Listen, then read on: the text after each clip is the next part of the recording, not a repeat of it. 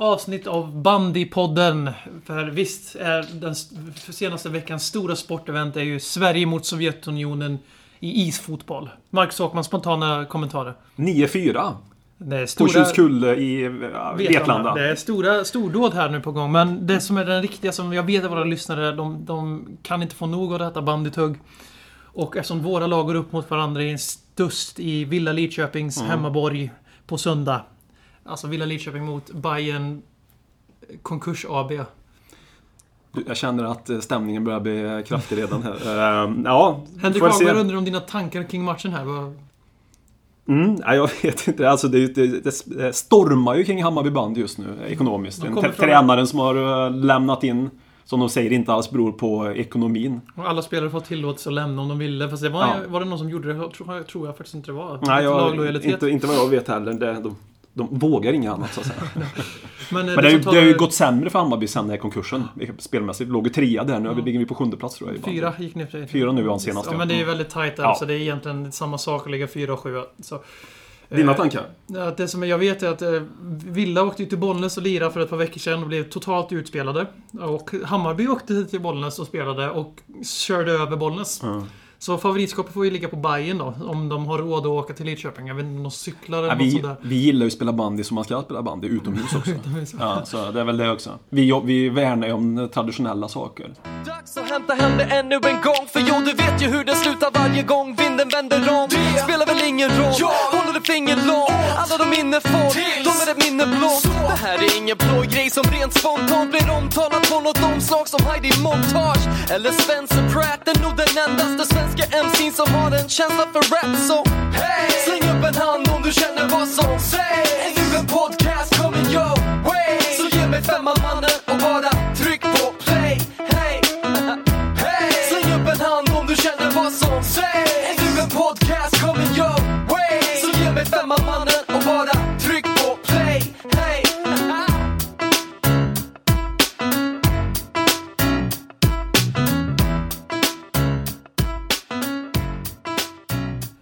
med bandytugget, alltså det centrala i veckans avsnitt, när det äntligen är åsidolagt så går vi över till eh, den mindre viktiga händelsen som tog, eh, tog plats på Bramall Lane i Sheffield igår. När vi spelade in detta där Tottenham Hotspur, eller Christian Eriksen FC, spelar 2-2 borta mot de gladiatorerna från Sheffield, anförda av legendarens avkomma.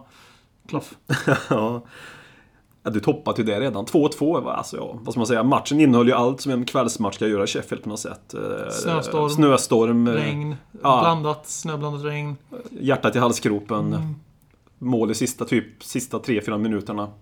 Eh, Världsklassmål, ett. Och eh, alltså Eriksens frispark var ju ganska fin, får man ju. Även om det var horribelt om målvakten tycker jag, men det är min personliga åsikt. Eh, nej men jag, ja precis så kan man väl säga. Han hade ju inte var- tagit den ändå, men han står jävligt, jävligt snett. Alltså, det, det, den, den är ju perfekt. Den går ju liksom Mm. högst upp i krysset och så stolpen in där. Så den, den räddar ju inte vem som helst, men jag tycker fortfarande att målvakten stod jävligt dåligt. Är det rent eh, tekniskt och hur, man, hur liksom estetiskt målet är på en frispark. Jag tycker att det är det finaste frisparksmålet han har gjort i Tottenham. Ja, det tycker jag. inte det tycker jag också. Det var ju svårast. Det är lätt att jag komma- Jag skulle vilja hävda att det är det svåraste, för han slår den ju i målvaktens hörn så att säga. Ja, det brukar han ju inte göra. Precis, precis i krysset. Den är, den är inte, han är ju högerfotad också. Mm. Så att, eh, Men sen efter det så fick han ju f- för sig att slå allt. Mm. Och han, det, det kan ju förstå att han får slå nästkommande frisparken också, men jävlar vad dåliga de ja, var. jag tänkte också på det. Kanske låta Lamela skjuta nu eftersom han är vänsterfotad. Ah. Han hade ganska tydliga vänsterlägen, men Ah. nej. Han skulle slå allting. Ja.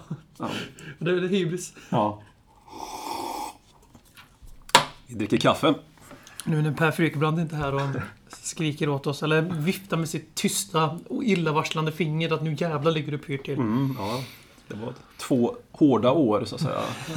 Ungefär som eh, våra kära ytterbackar hade det ganska två hårda minuter där efter Mm. Tottenham hade 1-0. Det- kändes ju som att skeppet var i hamn och det var, kändes osedvanligt lugnt och stabilt för att vara Tottenham och framförallt en så viktig match. Att det, jag började till och med tappa semifinalsnerven. Mm, Så samma. det, jag satt bara och väntade på 2-0 målet för vi, det var ganska stor klasskillnad igår till skillnad från första matchen som var lite jämnare får jag lov att säga. Mm.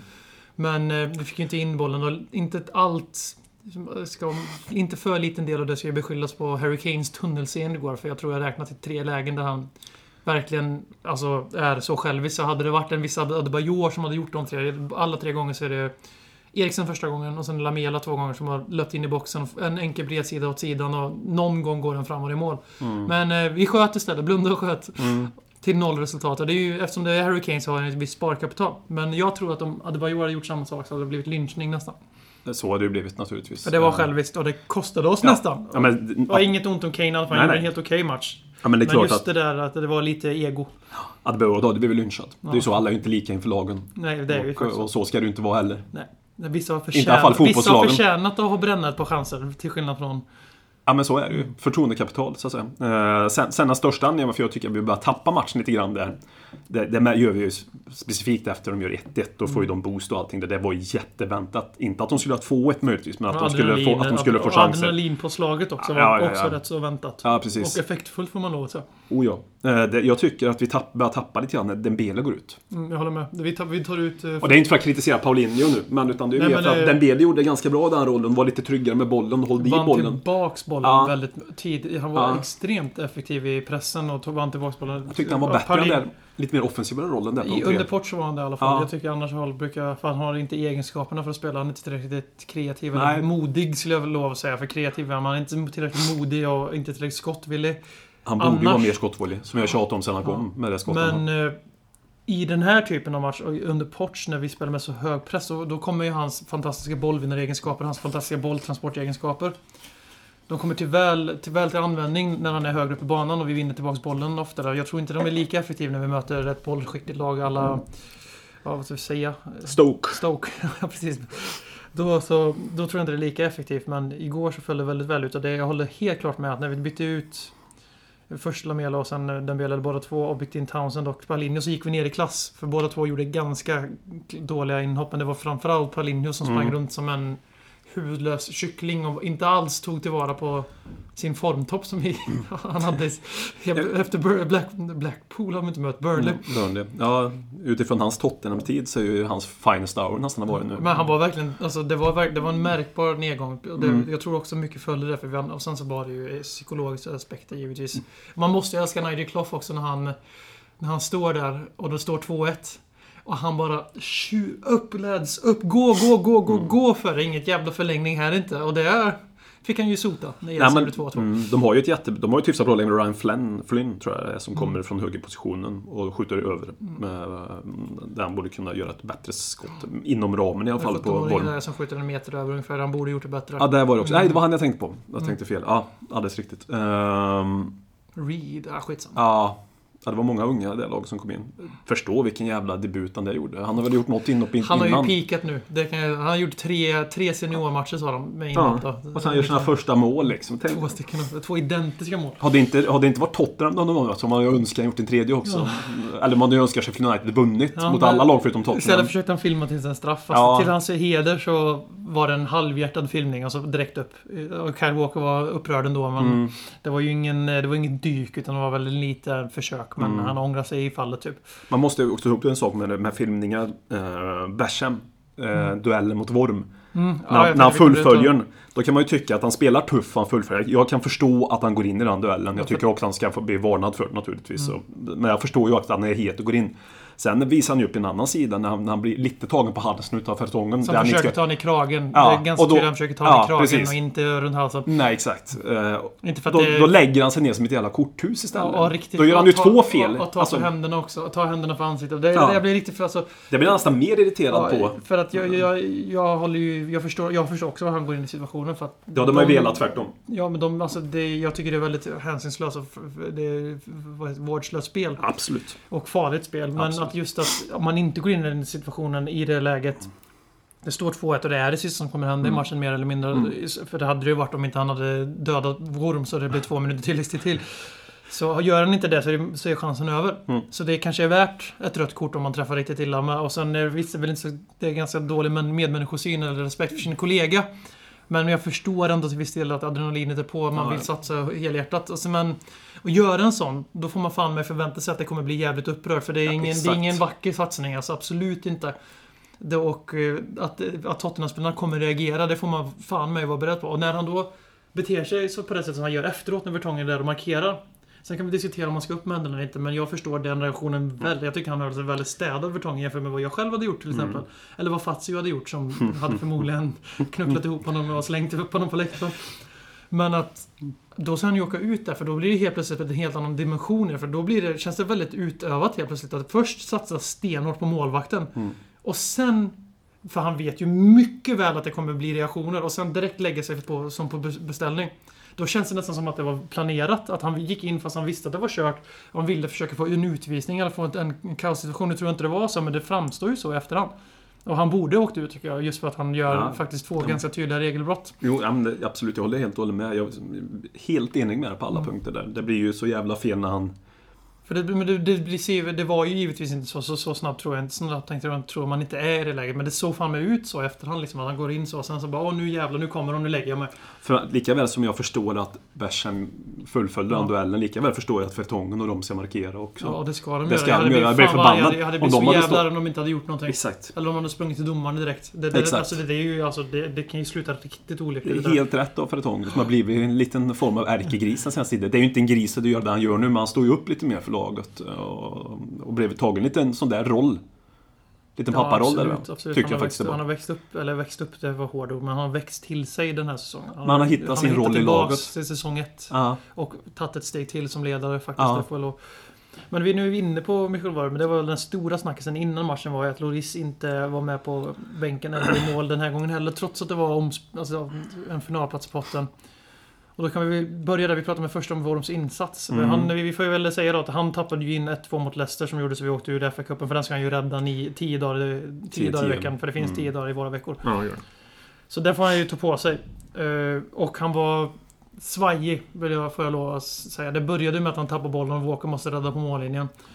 Sen hade han ingen, ingen auktoritet i straffområdet och det märktes ju på båda målen. För det är bollar som går på den perfekta ytan i och för sig. Men Wurm hade ingen pli på... Han hade ingen... Han, det var inte han som bestämde där bak. Det är ju den, det är bara liksom, jag är inne på det med den känslan man har kring Mm. som du är inne på, att han, han känns inte som chef där bak riktigt i, back, alltså i, i eh, straffområdet. På samma sätt som Loris gör. Och det, är liksom, det är svårt att definiera exakt, exakta situationer. Du drog den där med, med Kyle Walker, det är ju Ja. en, en specifik situation. Sen det är inspelet som leder till 1-1, det är ju ett jävligt fint inspel. Ja, ja, ja, ja. Det var inte Eh, Och du, det var ingen kritik från dig att säga att han borde vara ute där och suga in den längs marken. Naturligtvis inte, men det är liksom den här allmänna känslan och då jämför vi också med en, en av de tio bästa målvakterna i världen. Som det är Loris. Nionde bäst enligt någon lista där. Fast jag Jaha, det finns en lista till och med. fast det Okej. ganska, Den listan hade typ eh, någon klubbrankingslista där det var så lag i mitten på La Liga var bättre än Tottenham eller sånt. Ah. Men skitsamma, han låg nio i alla fall i Ja, världen. ja. Jag, ju, jag kan ju inte komma på åtta målvakter som är bättre då, men det är väl min fotbollskunskap Ja. som...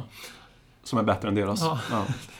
Eh, nej men så vi jämför med den bästa målvakten vi har haft på bra många år. Ja. Eller sen jag började här på Tottenham. Så, sådär. absolut. Eh, och det är ju tyvärr många år sedan nu. Eh, Men vi kan spinna vidare på ämnet. Och just eftersom vi jämför honom med Loris så blir det ju då en ganska orättvis fråga, eller vad man ska säga. Men eh, vi har en fråga från en lyssnare Mhm. som eh, frågar om Worm och eh, dennes...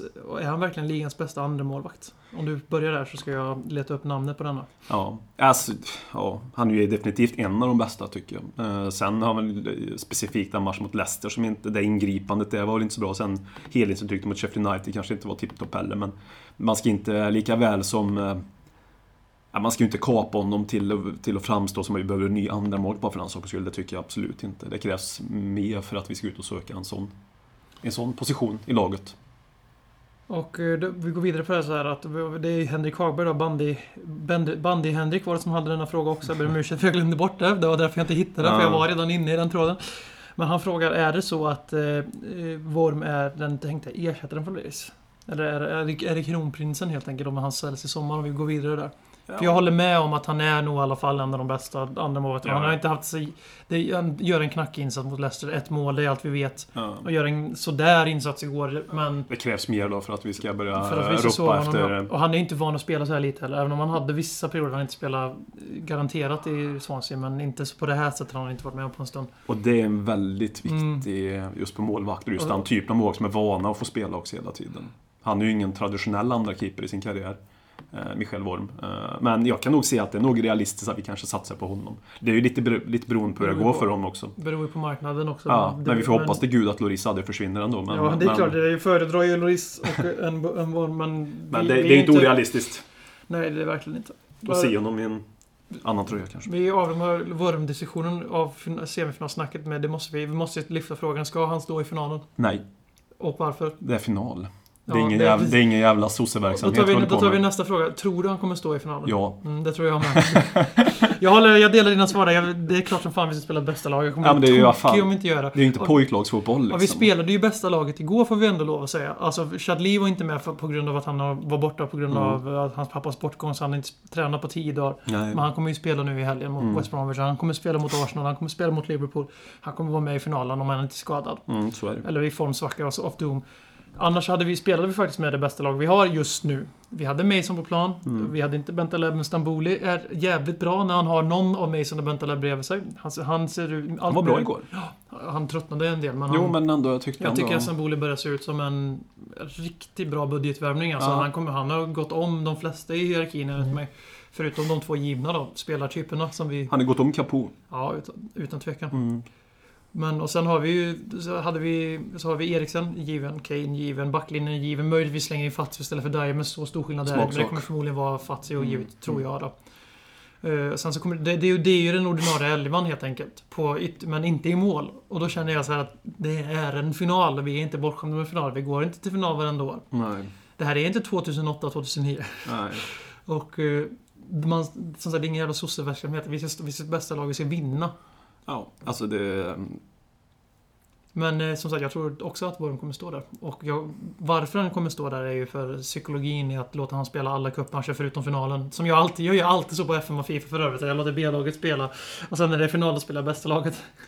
Ja, men jag, jag förstår ju. De, de, kanske, det går ju att tänka ur ett bredare perspektiv att man kanske lovar Worm innan säsongen. Du ska stå alla League-matcher oavsett hur långt. Alltså, du även går till final för att stå allting.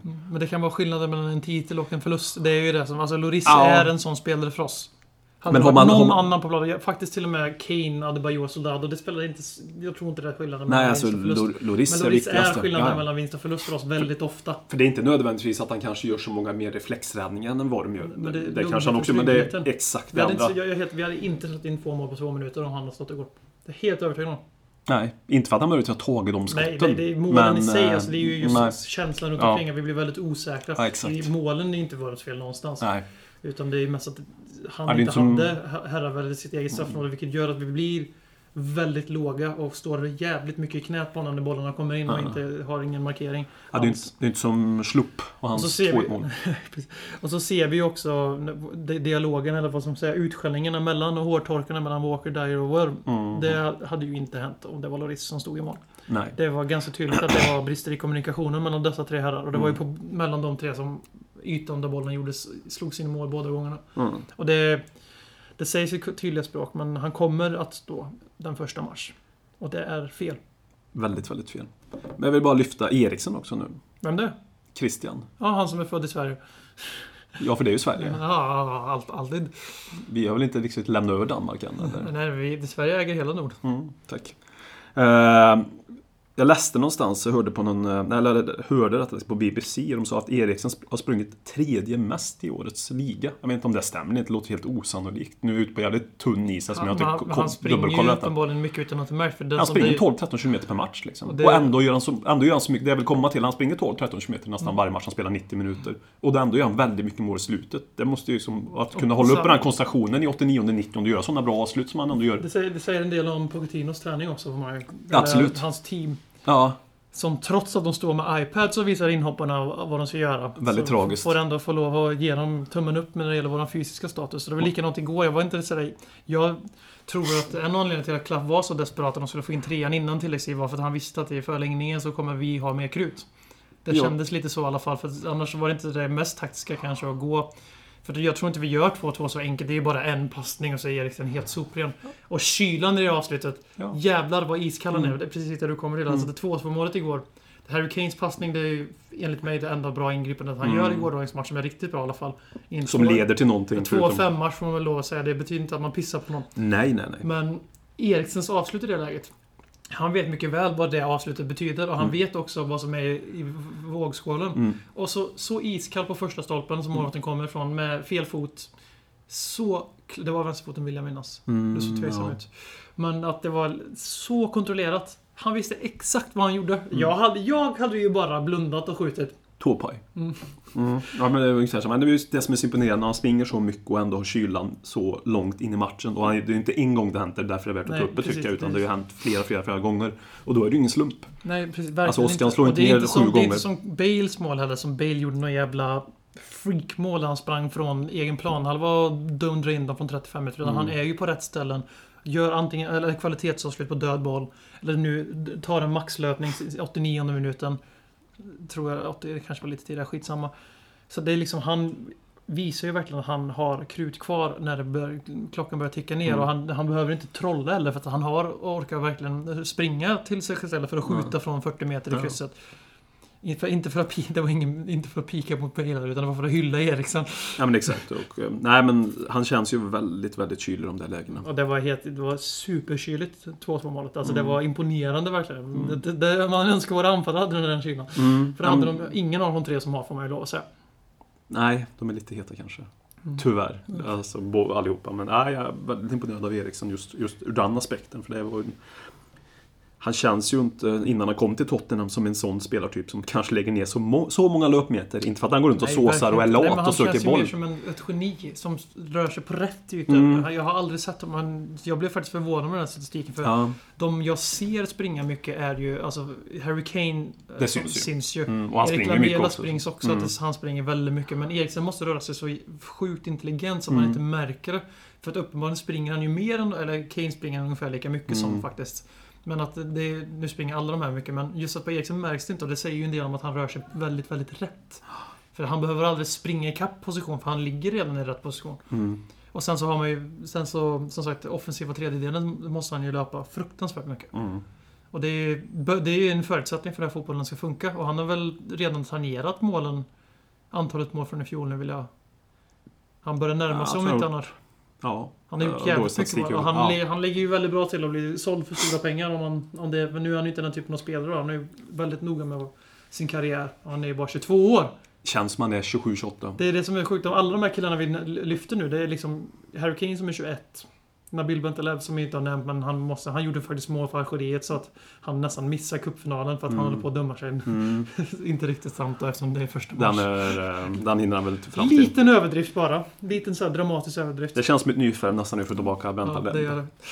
Tänk man trodde vi skulle säga det för ett år sedan. Nej, för då var det lite så tyckte man ja, han är, väl, han är duktig på att vara medioker, men nu Ja. är han mer än medioker i Ja, Premier League. Nu är ja, han oumbärlig för vårt sätt att spela fotboll och nu, det funkar bättre när Mason är tillbaka och kan ta hur många gånger var inte Mason en, en dålig touch ifrån tre frilägen igår? Mm. Han får ju några fantastiska bollar Mm. från... Ja, det är väldigt många han hade. Han Speciellt hade i andra halvlek där. Lamela, så hade han en till. Han gjorde en fantastisk monsterlöpning på Ja. Lamela, så den tar jag inte ifrån. Och så en jättebra brytning av mittbacken. Men den, den löpningen är helt...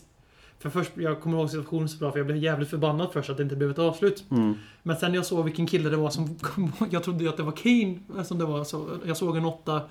Att jag såg att det var i straffområdet. Och så kollade jag på reprisen och ser att det är Mason som har kubbat från mittlinjen. Och då är det en helt annan sak att han kanske inte hade krutet och kylan där. Så är det ju. Det väger- vägs ju in Och det, det var en och tre. Och det var otur båda gångerna. Och han dålig, liten, lite dålig touch och bollen stack som att det var en gummikula. Han har ju brister. Vilket det är. Ja, tyvärr. Men Det alltså- den löpviljan framförallt. Och fem och ett halvt nytt år i. Tottenham också. Sen vi spelade in senast tror jag. Ja, Det- stämmer. mm. Men hur, hur var dina känslor när... eh, Vem var det som dömde matchen? Mike Dean blåste i pipan eh, i minut 95. Och det var klart. Ja, vad ska man säga? Eufori blandat med en sjuk jävla lättnad. Jag, jag jublade ju inte ens när vi gjorde 2-2 för jag var, så, jag var så sjukt fokuserad vid att det här är inte slut än. Det här kan bli Nej. 3-2. Mm. Så jag, jag sparade mitt djup fram till att vi hade vunnit. Och då var det mest, först och främst så var man bara såhär, fy fan vad skönt. Och sen så blev det mer äntligen. Nu äntligen en final. Mm. Och sen så tog det inte många minuter förrän man började tänka, ja vi kunde ju gått till final på ett bättre sätt. Vad sjuk man är. Ja, jag är aldrig nöjd. Det är bara den här poddens jävla fel också. Man ska ha reflektioner, man ska vara nyanserad. Ja. Hade, för, före den här podden hade jag ju liksom sprungit runt i, med kalsongerna i luften och jublat över det här. Jag, jag, jag, jag ju jävligt nöjd att vi gjorde det, men det känns som vi gjorde det vi skulle göra. Så att säga. Inte Men det, man ska inte, man ska inte underskatta hur mycket mer Sheffield United vill än Tottenham i det här läget när vi Ja. leder med 1-0 och 20. Och framförallt, alltså för de gör 1-1 så är det ju klasskillnad verkligen. Alltså vi, Ja. vi, det var kattens lek med råttan Mm. vill jag säga. Men det är oroväckande att vi inte put these games to bed. Alltså det är väldigt oroväckande och det har, fan suttit i en stund nu. Men det, det säger ju någonting om, om engelsk fotboll också tycker jag det här att de här lä, lägre lagen De har samma Eh, tempo i sig och Ja, de har i det. sig. Mm. Det är ju tekniken att falla på med viljan och allting. där. Det såg man ju i fa Cup-omgången som gick med Bradford Jag och så. Jag, tror, jag, vill tro att det är så i de flesta fotbollsligor. Ja. Alltså, Jag tror bara att det blir har sämre koll på de lägre divisionerna i Alltså, Tyskland. Ett allsvenskt lag när de möter division 1-lag på Svenska cupen till exempel, de märker man ingen större skillnad på. Fast det är större temposkillnad än vad det är i League 1 mot Mm. Premier League. Det vill jag hävda. Och det är mer imponerande för Premier League är ganska högt tempo i också. Mm. Men eh, sen så blir det på ett annat sätt. Och sen så blir det ännu mer när en fa Cup-omgång går av stapeln där varenda storlag åker ut mot små bonkarlag och Leicester. Mm. Så då blir det ju ännu mer kristalliserat och så. Men Sheffield United ska ha all cred för sin insats i det taktiska. De, Ja, de, de, var, de stod med 10 man bakom bollen tills de gjorde 1-1 och då släppte de alla tyglar.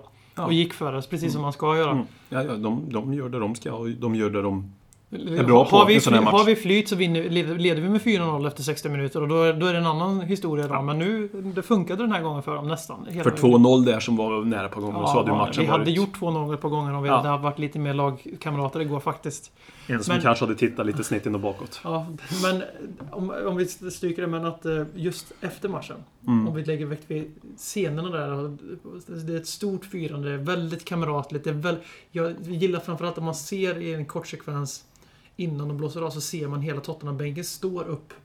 Och, och verkligen är inne och tittar i den här... ja, Liksom tittar och står upp och inte sitter på bänken och... Nu visar man mitt kroppsspråk här som ingen ser. Men de sitter på bänken och tuggar tuggummi och kollar sin iPhone typ. Mm. Utan att de var inne i matchen och soldater som var på väg in på plan Fram till att de gör 1-1 och 2-1 väldigt snabbt och gå och sätta sig på bänken igen. Han är den som står längst fram och är mest inne i matchen. Och det, det tycker jag båda gott. Och det är därför vi älskar Soldado också. Och vill han vara kvar. Men jag, jag förstår att du menar helheten, Ja, inte bara. Roberto. Eh, Nej, men det är ju det som jag också... Det, det visar att vi, det finns en jävla kamratanda i laget. På Det något kändes sätt. inte Eh, konstlat heller, det kändes Nej. äkta. Ja, exakt. Man, man gläds med varandra. Men man ser liksom eh, Mason och Kane, när 2-2 målet, för de springer rakt till varandra och är Mm. helt extatiska. Och det gillar man ju lite, att de springer till varandra, för det är ju den här Tottenham-grejen, att de är two of our own, så att säga. Även Ja. om jag tycker att en viss Ryan Mason kanske spelar lite för mycket på det, faktiskt. Men han har ju varit sedan sex års ålder, Ja, så, så det, är väl helt okej är, ändå. om han, är, han är nog supporter till Ja, klubben, så så då, då man, han- man hade ju själv betett sig så. så det, Exakt. Så det, men det är, vackert, det är ju vackert, men sen så, så man vill alltid slå hål på allting som är vackert, så är det ju. Mm. Men och, även att jag, det jag gillar att se, man ser Adebayor går in och klappar om med Eriksen. Man ser Eriksen och Lamela gå arm i arm. Man ser alla, hela laget stå och hoppa och dansa och vifta med flaggor. Mm. Alla går fram till fansen och så nära de fick gå. Det var inte så jävla nära de fick gå. Eh, Mason verkade ha hivat upp sin tröja på läktaren, för han hade ju ingen tröja. Han hade en halsduk på sig också, så han verkade ha bytt. Och det gillar man ju, att det, Det är han gillar som går med halsduken. Det, gillar är ingen annan som går med halsduken. Och så Det gillar känns... jag även hans lite halvdegiga, inte särskilt muskellösa fysik också. Det gillade jag. Han Ja. påminner mycket om min egen kroppsform. Nej men man gillar, alltså, jag hade ju blivit provocerad ifall typ Adebayor hade gått med en halsduk eller någonting annat. Det är Mason, det är inte vem som helst som har på sig en Tottenham-halsduk. Jag vill inte vara så, men det är ingen som hade gett det. Då borde han ha Nej, det hade inte heller varit, men du förstår vad jag menar. Ja. Det finns andra i det här laget som inte ska ha halsduk på sig heller. Den Bele ska ingen halsduk på sig, Paulinus ska inte ha en halsduk på sig. Ingen. Det är skönt när Mason går med en halsduk. Och, så, ja, och sen så också när man ser Nasser Chadli vill jag Jag vill tro att det är Nasser Chadli som var med i omklädningsrummet på den här bilden efteråt. Okej, Annars, okej. Om, inte det var Chadli så var det någon som är jävligt lik honom som jobbar i Ports team. Då säger vi grattis till han som är lik Chatli i sådana fall. det, han lär ju ha att göra. Men det var vackert att se. Mm. Ja, och så gillar jag också det här omklädningsrummet. Man fick se bilden. Det var trångt och härligt. Det var, Ja, ingen, det- det, var ingen, det var inte Det, glamour. som Det, den, här, var riktigt den, den omklädningsrum. vänskapliga känslan vi pratar så mycket om AVB, när det fort, tiderna fortfarande var gröna under honom. Då pratade vi mycket om att de var polare och sen Mm. när det gick åt helvete så började vi se det som ett problem. Att Mm. det kanske var lite buddy-buddy och sen så bekräftade Tim Sherwood det. Han sa ju rakt ut att det är alldeles för mycket ryggdunk i den här klubben. Mm. Och nu verkar det som att vi har fått tillbaka den här hälsosamma balansen och det där. Att de här killarna, de spelar för varandra. Och De vet vem som är tycker om chef. varandra, men de har fan inte svårt att säga till varandra. För det är en helt annan... Jag tycker det är en helt annan aura. Det är en ryggrad i år som Mm. förmodligen Tim Sherwoods utrensning hade att göra med. Vill Och- jag i alla fall inte helt och hållet Pochettinos förtjänst. Nej. Det gläder mig att du vänder blickarna till Tim. Den gode Tim som lyckades före Newcastle inte valde sina scener. Lyckades även där säga att jag har minsann andras planer. Ja, ja, ja men det är ju Han är bäst i världen på att säga att jag har andra planer. före Nej, när han inte, får när, jobben. innan han får jobbet ja. Men alltså, att tacka, om man nu tackar nej till WBA på grund av att han inte fick bestämma tillräckligt mycket så är det ju logiskt. Om Jo, det nu jo. var så. Ja, det hade varit konstigt om man gick till Newcastle, för det är ju en... Eh, Pajasklubb. Eller hur Noah? ja, jo, men det är, det är ju en pajasklubb Och det är för min kusin Sebastian också. Pajasklubb. Hur många Ja. cupfinaler är ni med i år? Nej. Ja, men de ska ju behålla tränaren nu säsongen ut också. Jag vet inte varför jag sparkar på Newcastle. Det känns Ja, men alltså, os- det- osmakligt. Klubben är väl ingen, alltså det är ju inte så med supportrar spelar utan det är mer att den sköts ju av en pajasperson. Jävligt Och snygga då blir tröjor. Jävligt snygga. Nej men de gjorde en film, Goal. Goal och där spelar han i Newcastle. Kan inte ta den klubben seriöst efter det. just Alla som det. är på Newcastle är bara på grund av den filmen. Ja, just det. Ja, precis som West Ham med Green Street Ja. Hooligans. Okej, nu- om vi skulle sluta sparka ner det. Avslutade reflektioner i cupfinalen. Nu har vi pratat om det här i en halvtimme. Du får bara säga någonting kort. Hatar Chelsea.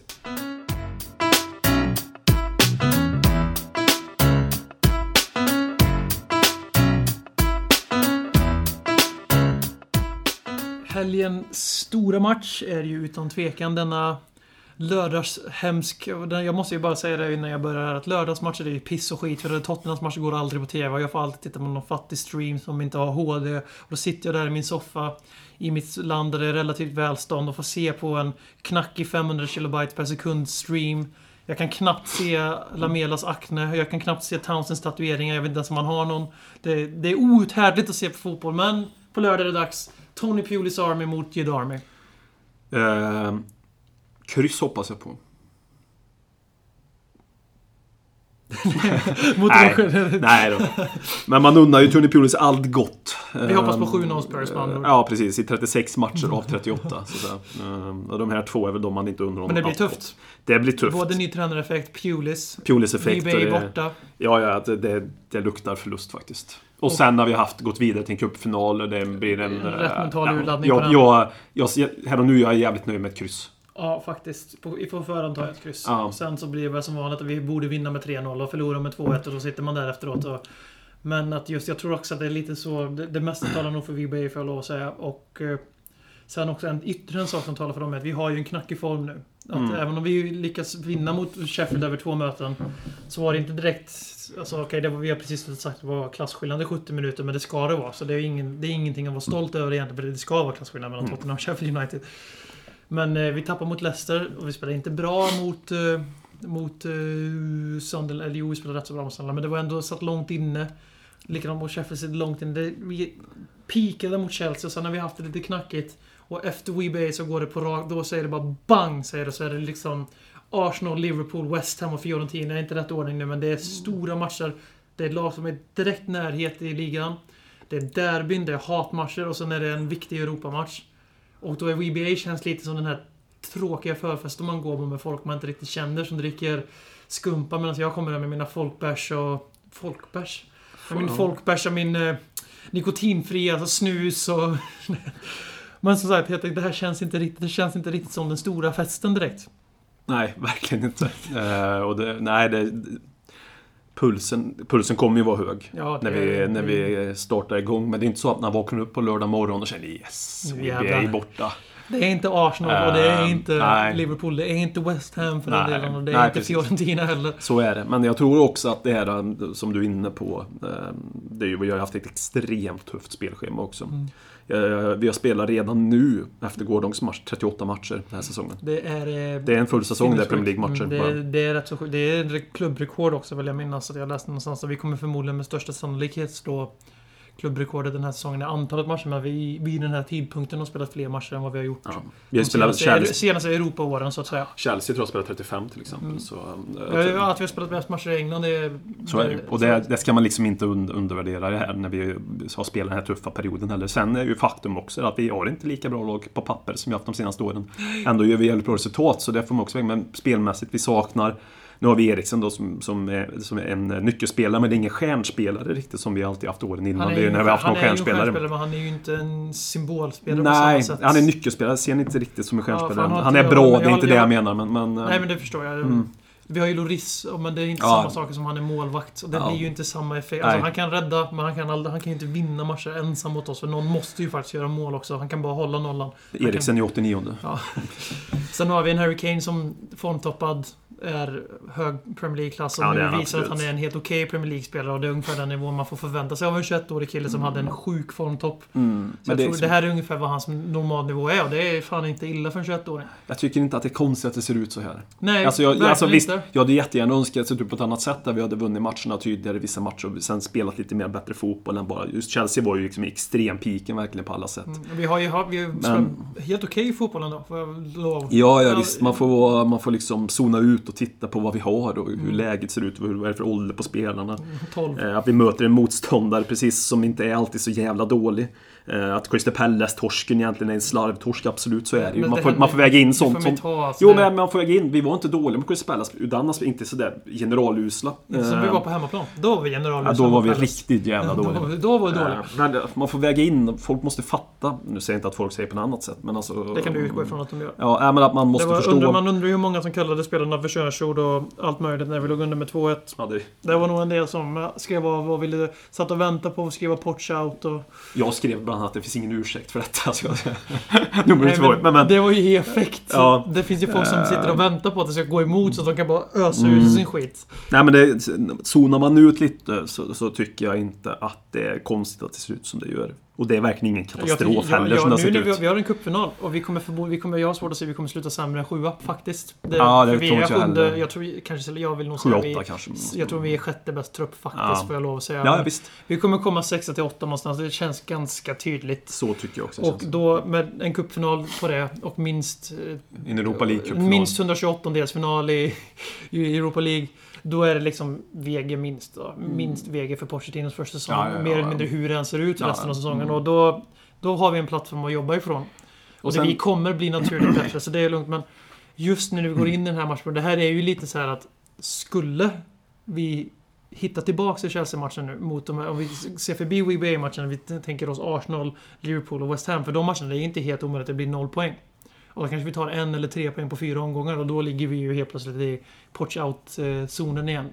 Men samtidigt så är det ju precis sådana här perioder som Tottenham de senaste åren faktiskt har sprattlat till och visat en jävligt hög nivå. För vi är ju ofta betydligt bättre när vi möter lag som faktiskt försöker spela fotboll mot oss. mm. och sen ska vi ju liksom, en sak vi ska väga in i detta, ehm, det är ju att Bentaleb har varit borta. Det ska inte underskattas. Ja, vi, vi har ju pratat tidigare om Mason stati- var skadad, Lamela var skadad. Alla är Ja. viktiga rollspelare, på sin, inte kanske spelmässigt, men Nej. som speltyp är de jävligt viktiga allihopa för vårt lag. Vi var ju inne på statistiken hur det såg ut när Bentaleb spelade. Vinstprocent. Mm. det var 70% och när, vi, när han inte spelade 30. Så, alltså, jag menar inte att skriva upp Bentaleb som Premier Leagues bästa i- Fast defensiva han är bästa. Så är det kanske. Eh, som alla förstår så man behöver inte skriva upp ett som det. Men alltså det, det, det, jag tror det spelar in väldigt mycket också, Bentaleb och hans, hans roll i laget. Eh, Ja, statistiken talar för sig själv och vi alla gillar, vi älskar ju statistik. Ja, men att vi har gått igenom den här perioden med honom borta och med och, som sagt, och Lamela. Det är spelartyperna, kanske spelarna i sig är ersättningsbara, Nej. absolut. Men spelartyperna är inte det. Anders Townsend, all där, han har gjort det bra. Han har kanske enligt många gjort det bättre än Lamela har gjort. För han har dunkat in fem straffar Ja, jo. jo. på säsongen här. Men det är hur man än vrider och vänder på det så är hans spelartyp extremt viktig för Tottenham. Mm. Och ha alla de tre komponenterna borta. Mm. Samtidigt som det är många, många, många, många matcher. Förväntningarna skruvas upp för det går bra. Mm. Och ålders, snittåldern är 22 eller vad Folin Mm. räknar ut. Mm. Folin är inte med då förresten ifall ni inte hade hört det. Nej, just det. Ja. Han är våran Benias KTH. Någonting har ju hänt kan vi säga. Men eh, så det kommer till att vi, de har inga like for like replacement, Så det kan man inte ha i våran hur sättet vi bygger våran fotbollsklubb på. Så att jag är lite så, jag faktiskt har hyser en viss förhoppning för att vi kommer att visa igen att eh, när vi möter lag som ställer upp lite naivt och faktiskt försöker möta oss på vårt sätt. Så då sprattlar vi och då sprattlar vi bra. Men eh, det, det kan ju samtidigt bli raka motsatsen. Så sitter vi där helt plötsligt om en månad och skriker att Pochettino han har fått nog med tid nu. hämta in Juan de Ramos. Ja, man saknar ju Jean de Ramos. Verkligen. Jag gör det i alla fall. Ja. Nej, men det... Nej, vad fan. Arsenal vinner ju väl lätt mot det.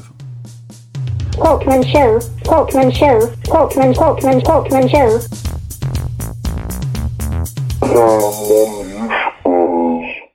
Efter fe- 95 minuters spel på Bramall Lane stod det klart att Tottenham gick vidare till Wembley och en final i ligacupen. Och eh, firandet därefter på inneplanen var både fantastiskt och eh, beklämmande. Eh, jag tänkte jag skulle börja med det beklämmande. Det var ju att vi sprang omkring med några jävla flaggor som var förtryckta av eh, pampar högt upp i någon position inom FA eller de som är inom ligaföreningen. För jag tror att det är de som står bakom detta.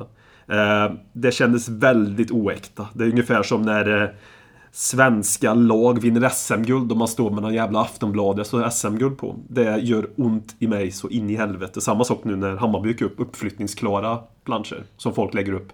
Sjukt irriterande. Eh, det var det negativa. Det som ändå var positivt i detta, det var att se glädjen i laget som vi var inne på här tidigare. Att det var ett firande med fansen som jag aldrig har sett tidigare. Sen kan jag minnas fel och glömt bort något eller missat något firande efter slag.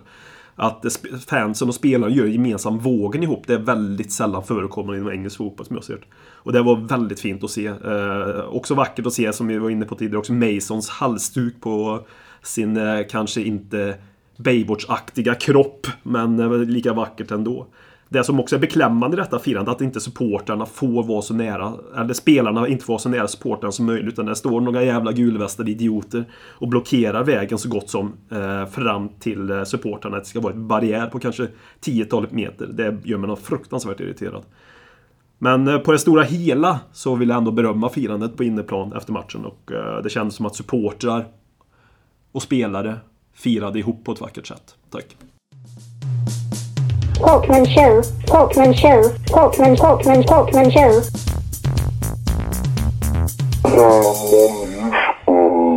Torsdag den 29 januari 17.56. Det är ungefär mm, timmar kvar till transferfönstret stänger.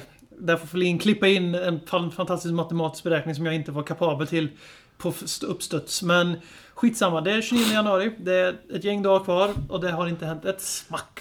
Jedlin har kommit in och Velkovic har gått på lån någon annanstans. Ja, punkt. Så det var allt vi hade. Nej.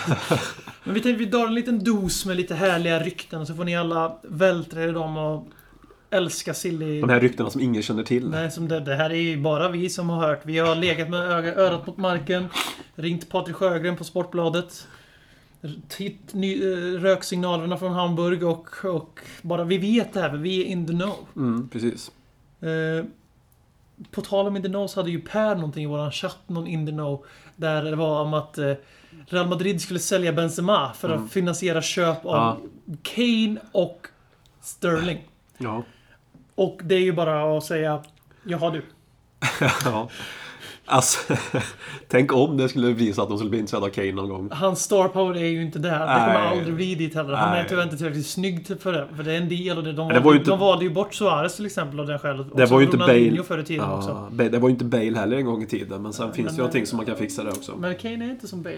Nej. Kane har inte börjat skriva HK18 på sin egen Twitter och lagt upp videos på när han pratar om ett jävla Fifa. Nej, tänk om han börjar göra det. Det är ju en tidsfråga tyvärr. Ja, det tror jag. Det.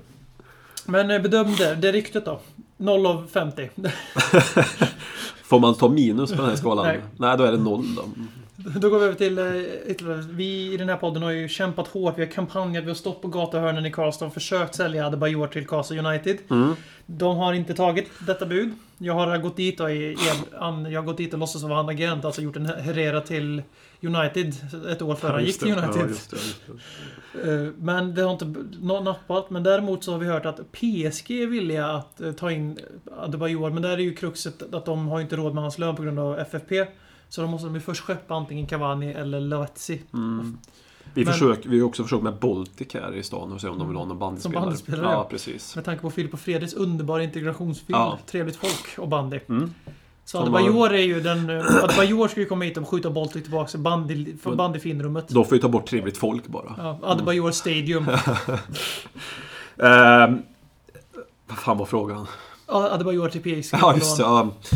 Eh, Jag är lite sjuk så är därför hjärnan fungerar sämre än vanligt. Märks Eh, ingen skillnad. Nej, det är det som är det tragiska. Eh, Ja, han skulle, det är väl en av få klubbar som kan ta över hans lön. Men varför i helvete skulle de vilja ha honom? Ja, de har ju Zlatan som är ett antal klasser bättre. Ja, men man alltså- kan- Varför? Nej, nej, Alltså det, det, var- de, de säger ju att det är problem med det omklädningsrummet om man ska tro den lilla, lilla, lilla insyn jag har i det som läser Aftonbladet typ om PSG. Att det, Ska man köpa in eh, det är- harmonispelare nummer ett, Adebayor, som så, så gör så att alla drar samman då, eller jag vet inte. Nej, jag tror inte heller på det. Det Det, känns- det är en av få klubbar som har råd, så det är ett Ja. logiskt rykte på så Ja, sätt. det är det ju. eh, Och, och han skulle göra ett bra jobb som andra fiol bakom... och han skulle säkert gå in och jobba stenhårt Ja. ett halvår och var säkert göra rätt mycket mål och Som vara rätt duktig faktiskt. Men, Ja, som men absolut. men att problemet är att eh, ett, han kommer inte få spela för Zlatan går före honom. Honom kommer de inte sälja i januari. Och sen då har de inte råd. Så att, ja. Men det hade varit jävligt nice. Men jag, tror, jag tror inte vi är beredda att betala hans lön heller, för då är det ingen anledning att skeppa honom. Då kan han få vara tredje anfallare istället. Ja, ja, absolut.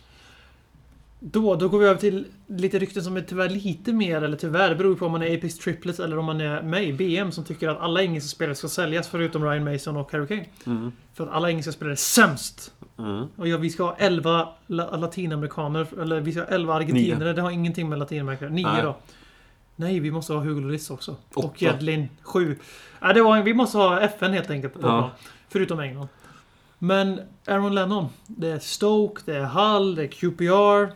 Nämn gemensam bemanning.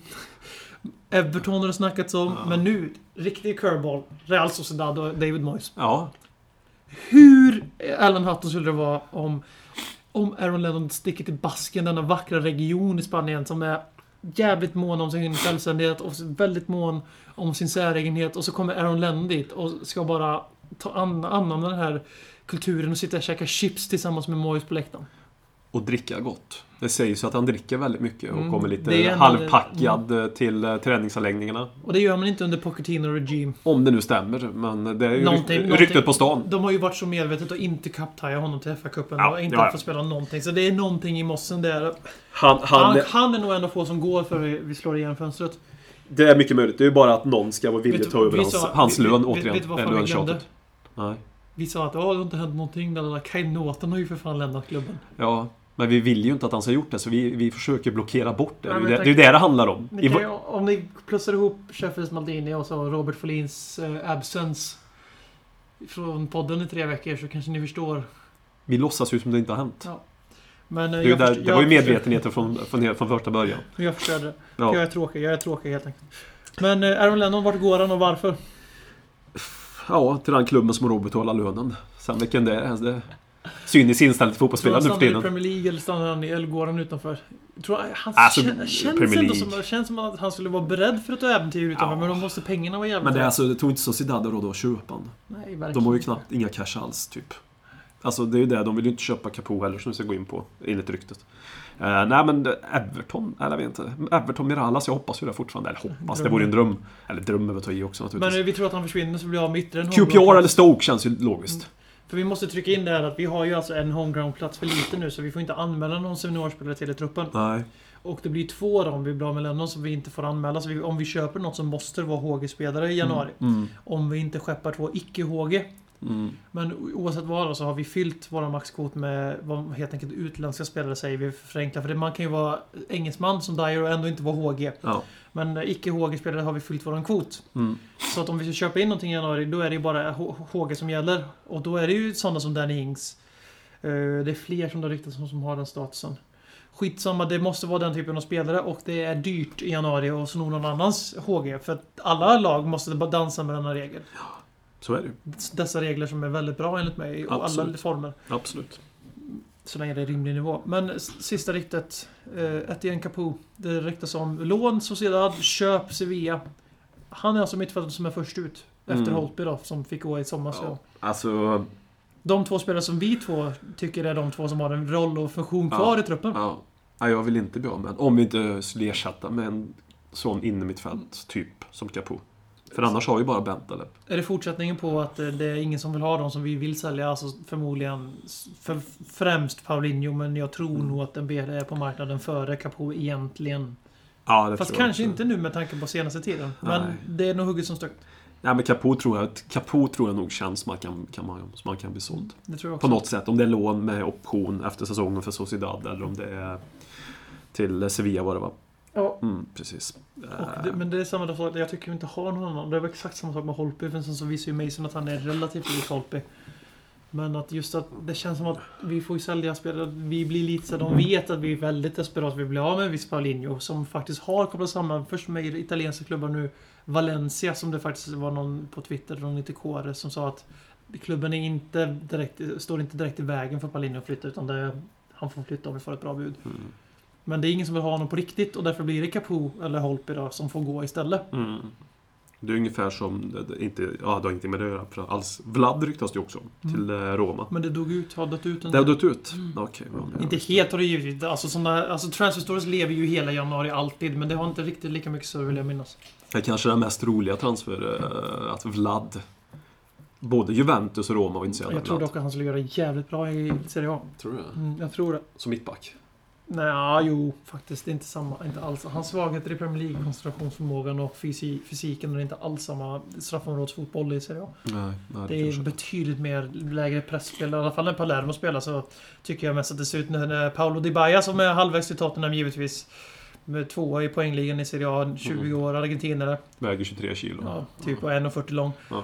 Eh, Han brukar ju komma springandes från ungefär Erikssons position och då sjunker ju motståndarförsvaret in i knät på målvakten. Och han, så liksom det är inte Men då, riktigt... det är ju då Vlad rusar fram.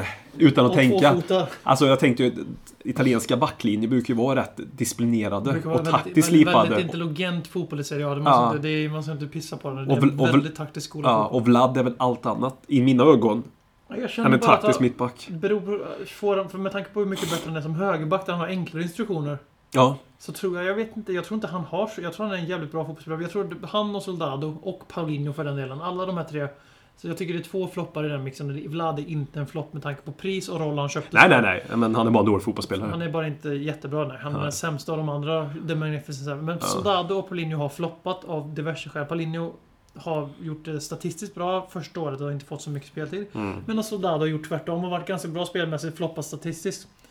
Men det är för att det bara inte kommer funka i Tottenham av olika skäl. Det är hur vi än försöker. Det här är två riktigt bra fotbollsspelare fortfarande, det står jag fast vid, men inte i Tottenham. Och eh, Vlad är riktigt så här mitt emellan där, så jag bara känner att han är också så här, hittar han bara en annan klubb så kommer han visa varför vi köpte honom. Mm. Men det kanske är så att Vlad ska vara ersättaren till Totti.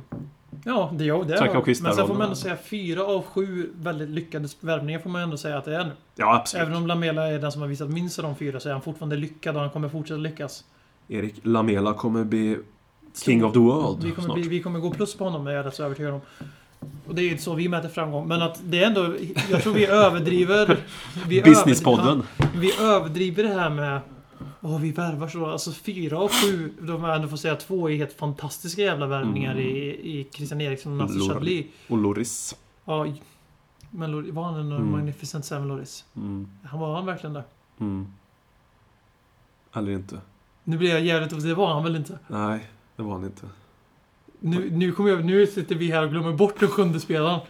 Capo är ju för fan... Nej, Ja. tre av sju. Då, hela mitt argument föll som ett jävla korthus. Rörighetspodden detta, Men tack vare tre min av, insats. tre av sju är fortfarande inte så jävla... Alltså folk överdriver det här. Alltså varenda klubb i hela jävla fotbollsvärlden har ungefär 50% success rate. Förutom de absolut största som plockar ut de bästa jävla spelarna i världen. Real Madrid och Barcelona, de misslyckas inte med så jävla många köp. För att de köper Gareth Bale. Det går inte att misslyckas med Nej. Gareth Bale. Det går ju liksom inte att göra det. Det är helt jävla omöjligt att misslyckas med precis. Gareth Bale. Barcelona, nu misslyckades de med en del i somras för de tvingades panikköpa sju spelare på samma gång för att de inte får värva på två år eller Ja. ett år.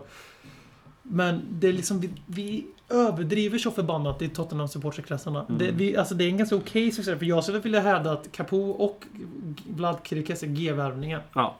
Och då är det helt plötsligt fem och sju som är helt okej. Ja. Det är ju bara Soldado och Paulino som verkligen har floppat. Jag vet att det är många som kommer säga att en viss argentinare också har gjort det, men jag håller inte med. Så jag- enkelt är det bara. Jag kommer inte säga igen varför, för jag gjort, gör det tio gånger varje podd. Alltså, jag, jag, jag tycker ju inte Vlad är okej, men jag tycker ändå inte Vlad är dålig så att säga. Nej men jag håller förstår med. jag menar. Jag hade tyckt inte att han är en go godkänd fotbollsspelare för Tottenham. Jag tyckte... Men med tanke på värvning, med tanke på pengar och med tanke på att vi värvade honom som en 50 mittback när han kom. Mm. Så är det ändå så man får bedöma. Sen som Ja. spelare tycker jag inte han har i Tottenham att göra heller. Som högerback är jag dock beredd att ge honom säsongen ut. Eftersom Ja. vi nu inte har något alternativ, för Jedlin är inte redo. Nej, han... Jedlin kommer aldrig vara redo. Men nu, så Capo tror vi, kanske. Mm. Lennon är väl den troligaste. Paulinho är den vi hoppas. Mm. Adebayor också. Men! Dagen som jag läser på Fighting Cock. Loris till Arsenal. Ja. Det är ju ungefär lika troligt som att jag skulle bli religiös och rösta på Sverigedemokraterna. Alltså det skulle inte hända om jorden så stod och brann framför mina ögon och jag kunde rädda det. Det är ungefär lika troligt som jag skulle stå på Emirates och jag hålla på Arsenal. Och där knäcker mig då det jävla as. Nu, nu går vi vidare.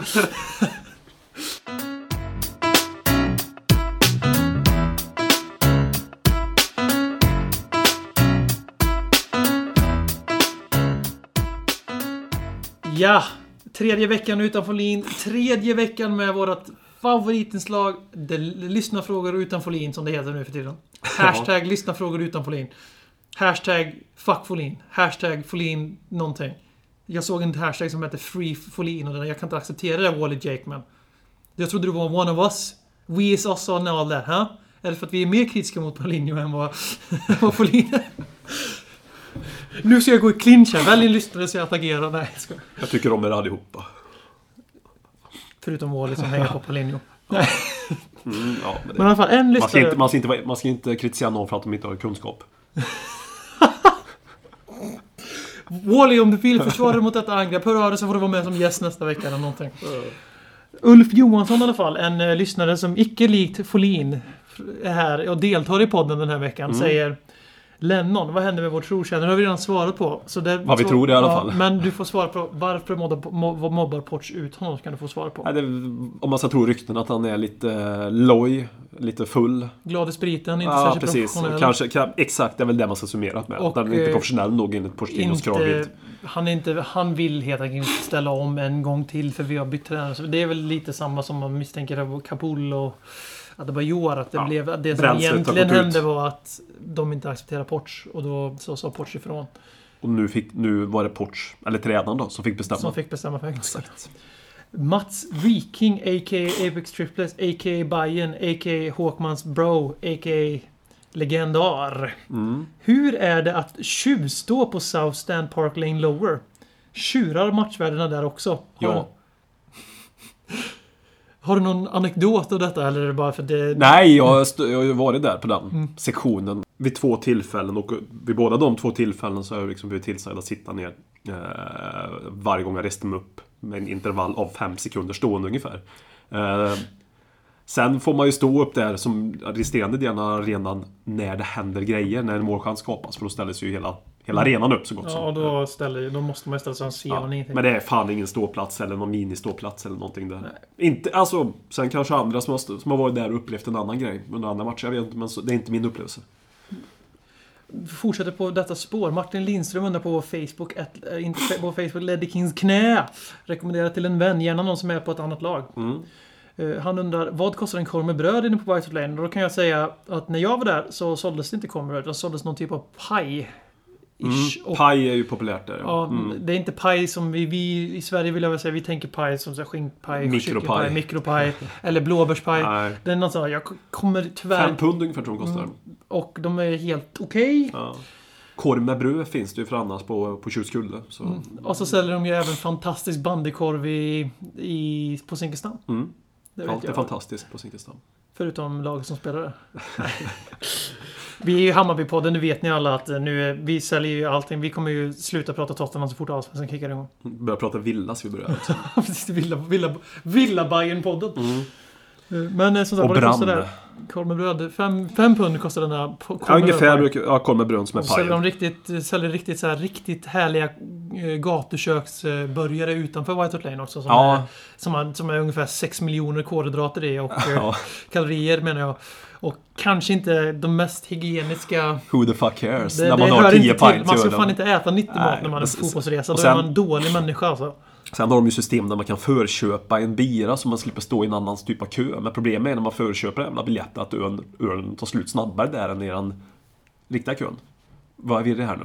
När du, när du är inne på arenan så kan du köpa Jaha, biljett. jag, trodde, jag trodde du pratade om utanför arenan. Jag Nej, bara- nej, nej. Du kan ju köpa biljett inne på arenan.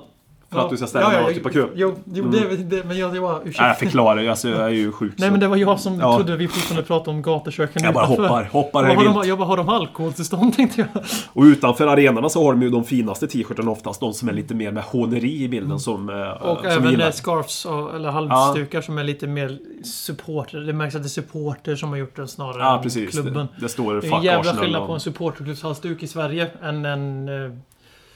Eller supporterklubb, alltså en ultrasklubb eller vad fan man ska säga. Alltså riktiga... Mm, mer engagerade fans. än supporterklubbar som gör såna här typiska half and half scarves. Så det är där, kolla stånden utanför där. De la ju ut en video på tal om supporterskap, eh, det officiella. Mm. eh, När Tottenham-supportrar reste i tåg och sjöng eh, Spurs are on the way to Wembley. Jag vet inte om de sjöng, såg du den på, via Facebook? Nej, den såg jag inte. Jag att jag inte sett det. Men Nej. eh, vi kan väl avsluta vår Det tal var med väl Vilken pub riktigt- rekommenderar du?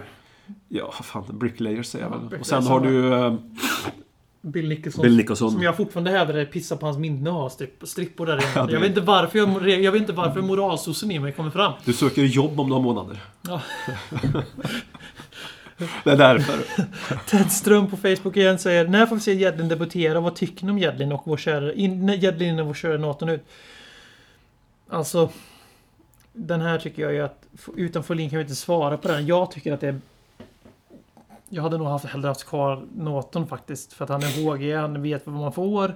Men han, vill, han vet att han kan spela ordinarie i ett annat Premier League-lag. Så jag har all förståelse för att han går. Jedlin är något så här mellanting mellan kommersiell värvning och fotbollsvärvning tror jag. Håkman tror helt och hållet kommersiell värvning. Och- 90%. Mm, Och när man såg den här u matchen och surret med det så verkar det som U- Ugo tyckte att han var ganska långt ifrån A-laget. Och han kommer nog inte få så jävla mycket speltid den här våren utan det kommer nog vara Vlad och kanske till och med Dyer för honom. Vi har ju liksom ingen cupmatch att spela honom i nu eftersom vi torskade i FA-cupen och finalen lär han inte få lira och Europa League är också slutspel och ska vi kasta in honom mot Arsenal? Det tror jag inte. Men han, får, han, han kommer ju få speltid i Premier League givetvis men det kommer inte vara mycket. Nej, så är det. Man måste säga ett datum så säger jag 27 april. Ja, Jag vet inte ens om vi har match då men... nej, men det är omkring i alla fall. Oskar Alvik, eller Alavik, ja, du får rätta mitt uttal. Jag säger Alvik i alla fall. Eh, Han vill att vi Som ska gamla basketlaget heter Alvik, minns du? Han stavar Alavik. Alavik, ja. Men ja. prata om alla nordiska spelare vi haft genom åren. Det var det bra hyllning till vår kära dansk. Ja, Genom åren. det här är ju en, Wow. en fråga vi skulle förberett bättre. Ja, och men- inte, och inte, men- inte förberett noll sekunder på. Men om vi bara ska studsa upp några namn. Erik Torsvedt. Fan, tog den direkt. Var det Erik? Edman tar jag då. Ja, det var, det var tufft. Eh, Stefan Ste- Nielsen. Ja, fan. Stefan. Allan Nilsen, Ja, mittfältaren, han som avgjorde ligacup 99 mot Leicester. Där du På Eriksson, du, du med ditt jävla Så Allan Nilsen är inte något. Du inte, var det också danskt då? Allan Nilsson, Vi är ju fan Danish Hotspur. Ja, så, så är vi definitivt. Oskar Jansson om man ska hårdra. Ja, bara för att, men han spelar inte i A-laget, men vi säger honom. Vi måste komma på fler. Eh, vad har vi mer som är... Öyvind Leonardsen, nej. Jo, norrman. Har han lirat? Han har lirat i Tottenham. Det var Det var det också på 90-talet, så du jag, ursäkta. tänkte, jag tänkte bara VM 98, då var jag sju bast. Vi, var köp, väl vi, ja, vi köpte han från Liverpool. Han gick Wimbledon, Liverpool, Liverpool, Tottenham. Mm. Öyvind Leonardsen, det stämmer, han var där. Men så prata om alla de nordiska spelarna kan jag säga att Christian Eriksen är den bästa av dem. Ja, jag har inte sett så, Så många, för jag, Nej, men- jag var i Tottenham sedan 2000-2002 eller Ja. ungefär, så jag har inte sett så jävla många. Då är han utan tvekan bäst. Ja, de vi nämner här har jag sett allihopa. Sen Torsvedt har jag inte sett så jättemycket som tips extra och alla matcher och allt det där. Men han är ju den bästa utav Eriksen, ja. Sen var Stefan Iversen han köpte sin jätte, jättetalang från Rosenborg. Vi köpte Mm. den, han var 2021. Men han tyvärr varit var när skadad lite mycket. riktigt. Han var riktigt bra. Han var riktigt bra. Det var snackis om honom till och med i Sverige. Ja. Rosenborg var ju riktigt bra. Det var ju samma veva som AIK var bra och med Champions League. Men Rosenborg var ju liksom... The shit. Rosenberg. Rosenborg var utan tvekan Nordens största klubb då. Absolut, och gjorde är det det bra nog- i den ligan också. nu är det Champions League-ligan. Som Så är det, nog. får man säga. Så, så är det nog. Så är det. Men eh, vi vill, jag skulle gärna se mer nordiska spelare i klubben. Men eh, det jag känner att det finns, vi har pratat om det här förut i podden, att det finns ingen naturlig... Det finns inte så många vill ha. Nordisk När man går igenom man lands, landslagen. Nej. En som man Zlatan. hade kunnat hoppas... Ja, jo men... det man hade kunnat hoppas på är ju... John Guidetti innan, men nu tror inte jag att han kommer nå den nivån som man kanske hade kunnat göra. Nu Nej. tror jag att det är lite kört det tåget. Annars hade han för några år sedan, om han hade fått fortsätta på sin Feyenoord-insats, Mm. eftersom han vill spela på brittiska öarna, han trivs i Premier League-stukan, han är Premier League-formad, det märks ju sättet man Ja, spelar precis. fotboll på. Det är han ju. Det är han. Så hade han kunnat bli en sån spelare som vi faktiskt skulle kunna tänka oss att norpa tror jag. För att han har varit för, för bra för att vara femma i City. Och lagom för att vara som tvåa, trea i Spurs. Och räknas ju som HG också om jag inte är helt ute och cyklar nu. Men nu tror jag tyvärr att det tåget har gått. På grund av hans två år skadeuppehåll, typ. Sen kan jag tyvärr alltså inte komma... Jag kan inte komma på någon som jag tror kliver in. Sen så finns det ju namn. Det finns ju alltid, det är så jävla tjat säger Albin Ekdal liksom. Men det är väl Han skulle det kunna gå in. som är färdig nu också. Sen finns det ju några unga som jag gillar. Simon Gustafsson och Carlos Strandberg i Häcken. Kommer inte kunna gå in. Men... Nej, men de har potential att kunna bli någonting. ja. Nej, de går ju absolut inte in nu. Men Nej, det nej, är men två jag som jag jag tycker är väldigt bra. personligen Simon Gustafsson inte kommer göra sig så bra i Premier League och Nej. att Carl Strandberg kommer att göra sönder sin karriär nu när han går till Moskva förmodligen. Väldigt korkat beslut känns det som om man går dit. Men eh, om vi ska... Har vi några... Ödegaard om några år hade ju varit helt okej. Han kommer bli flopp.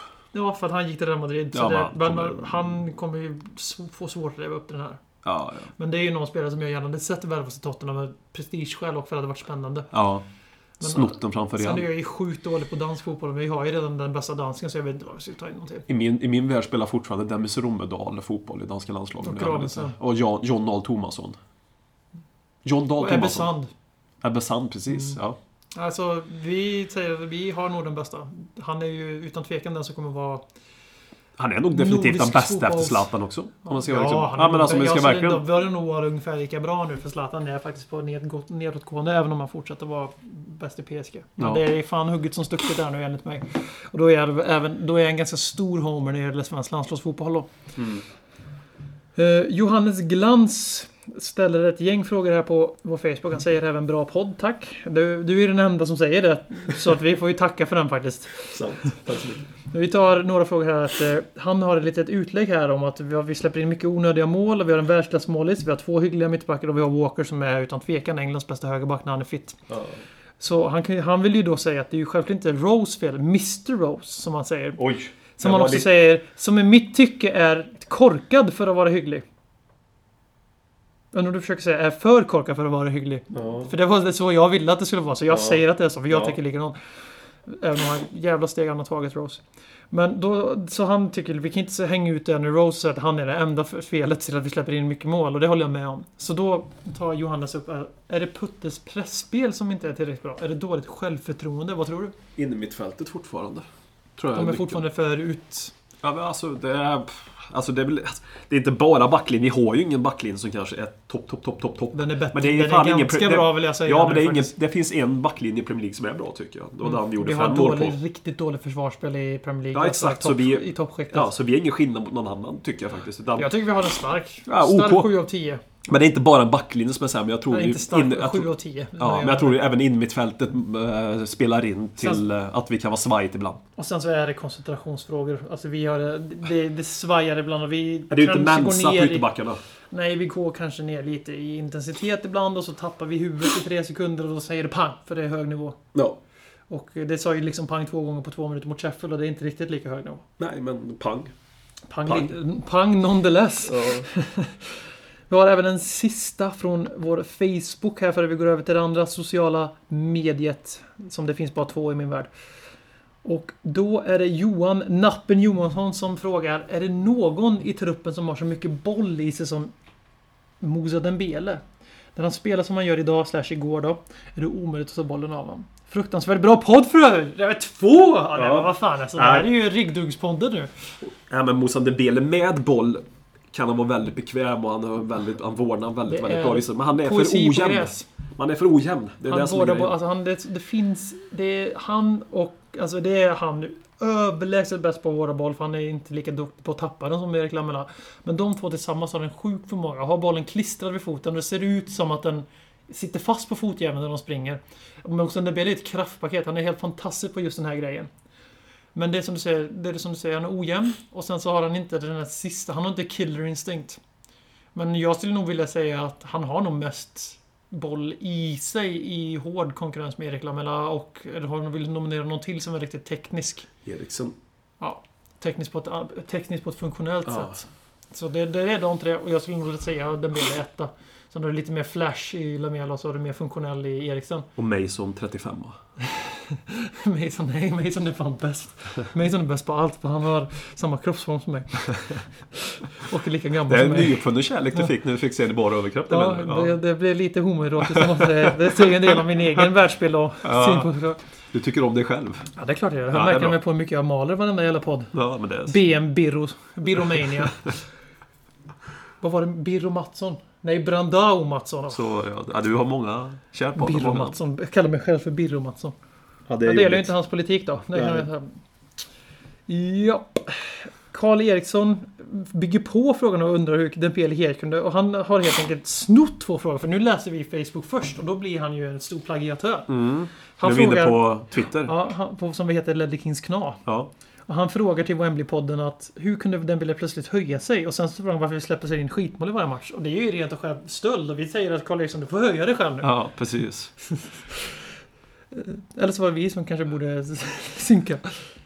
Sen har vi Claes Karlsson som undrar vad en biljett bör kosta till finalen. Han kollade nickes.com och det är ju en sportreseföretag. Mm. Och de sålde för fem lax. Men det är ju sportresan, det är inte biljetten. Nej, Biljetten är väl snäppet dyrare än vad en vanlig... Det är 30 000, 31 000 platser var. och det, Och de är, kommer sälja slut som smör och Ja. årskortsinnehavare. mm, och det är väldigt mycket loyalty points så har du inte Ja, det blir ingen så- general sale till exempel. Nej, Så ska du haffa så är det sån här sportresa eller köpa biljetter av folk som inte går. ja exakt. Och det kostar, kommer också kosta. Det kommer kosta. Beror på vem du köper från, om det är en hygglig person eller en Så själva biljetten idiot. är ju mot laxen alltså. Ja, är- det får man räkna med. Och det hade jag... Nu vet inte jag om, sport, om den här 5 och 5 är inklusive hotell och sånt. Om det bara är biljett och typ... Nej, tror, nej, men Nickes och de här de brukar ju sälja med uh, två övernattningsnätter Mm. i priset. Så, Så då är det nog inte så mycket dyrare än vad... Men det är, tåg, eller tåg, flyg är ju inte inräknat så att säga. Men det går att hitta billigt. Ja, det går alltid, allting går. Ja. Eh, sen har vi Henke Padron, eller Henrik Gustav, som undrar Fiorentina borta är alltså tre dagar före finalen. Och det, vi kommer ju prata om det här igen, så förlåt oss, men vi, det här kommer ju lyftas igen. Men Marcus Hakman, hur ska vi prioritera laget? Eh, Alltså cupfinalen ska ju prioriteras. Ja, vi får ju så är vi det. får Men sen vi ska får vi ju inte gå- skita i vi får ju- Lite beroende hur första Vi matchen får ju gå går. på knockout i första matchen. Ja, För att jag vill, jag vill inte att jag vill inte, alltså att spela. jag vill, jag vill inte vi ska lägga oss i Europa Nej, aldrig i heller. helvete. Det är under vår klubb. Ja, Under vår värdighet. ja. Men just att jag tror att vårt andra lag är relativt jämnstarkt med Fiorentina som kanske inte heller kommer köra 100% prioriterat för de är med och slåss om Champions League-platsen i Italien. Mm, de har köpt lite nya anfallare nu också. Jaså? Gilardini har ju kommit tillbaka. Är han dit. tillbaks där? Ja. Ja, då har de Mario Gomez och Gillardini kan de tävla med som är mest haspin då. Så kan de båda två sänka Spurs med fem baljor var typ. ja. Men i alla fall att jag tror inte de kommer köra 100% säkerhetslaget beroende på det. För de vill nog hellre... De prioriterar nog Champions League-plats. Jag, jag tror inte att de tror att de kan vinna i Europa League. Nej, inte efter vi har vunnit 5-0 hemma heller. Nej, precis. Och det beror ju som... Men jag är allergisk mot att vi ska ställa ett dåligt lag, men... Jag tror att vårt kupplag med någon typ av förstärkning håller nog bra. Loris kan spela båda matcherna, men han kommer ju få stå mot Fiorentina, men inte mot Chelsea. Ja. Eller Worm kanske så alla matcher. eller? ja, man får ju stått i Europa League. Men eh, det jag är lite så jag vill... Det jag, matchen i sig skulle vi kunna spela samma lag tror jag. För det, just matchen är inte jobbig. Det är att de reser till Italien. Visst, det är Florens och det är vår. Det kommer vara helt magiskt för dem. Men Ja. just att... Det är resandet som tar på krafterna. Ja, det är det. Så att jag skulle prioritera ligacupfinalen varenda dag. Och jag hoppas att vi kanske har 2-0 att gå på från varje. Så vi kan spela kupplaget och om det går åt helvete så gjorde det. Mm. Så länge vi inte kommer hit med 15 juniorer. Nej. Ja, så vi, så vi avrunda eh, den här podden med Daniel Sörängs eh, ställningstagande, eller hans konstaterande som det kallas. Där han säger We are on our way to Wembley. Mm. Och med de orden så tackar vi för oss. Tack så mycket. Wembley-podden återkommer nästa vecka. Hata Arsenal. Dags att hämta hem det ännu en gång För jo, du vet ju hur det slutar varje gång vinden vänder om. Det spelar väl ingen roll, ja. håller du fingret långt Alla de minne får, de är ett minne blått Det här är ingen blå grej som rent spontant blir omtalat på något omslag som Heidi Montage eller Spencer Pratt. Är nog den endaste svenska MC'n som har en känsla för rap så hey. släng upp en hand om du känner vad som sägs. Ännu en podcast coming your way så ge mig femman